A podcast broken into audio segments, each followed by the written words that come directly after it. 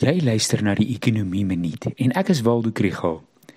Sedert November 2021 het die repo koers met 425 basispunte tot 7,75% verhoog.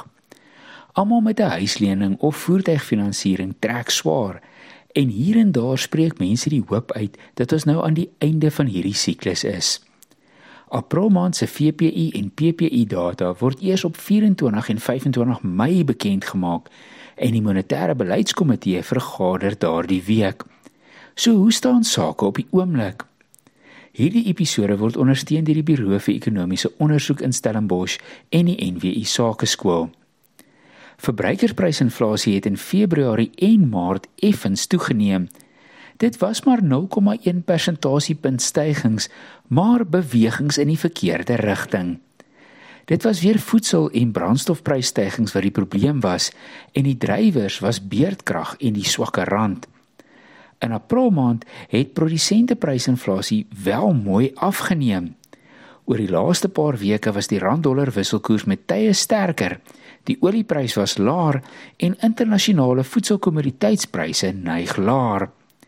Ongelukkig bly die koste van beerdkrag hoog en reg deur die ekonomie stel vakbonde looneise bokant die Reserwebank se inflasie mikpunt.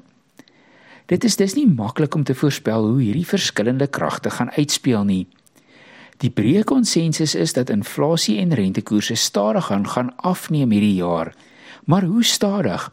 En sluit dit dalk nog een klein verhoging uit? In die FSA is daar aanduidings dat die Fed nou eers die pas gaan markeer met verlede week se 25 basispunt verhoging. In Suid-Afrika sê Ellen Gray se ontleeders dat geldmarktermynkontrakte dui op nog twee verhogings van 25 basispunte. As jy daardie volgende huis of nuwe bakkie nie kan bekostig teen vandag se repo plus nog 25 basispunte nie, is dit dalk die beste om so bietjie te wag.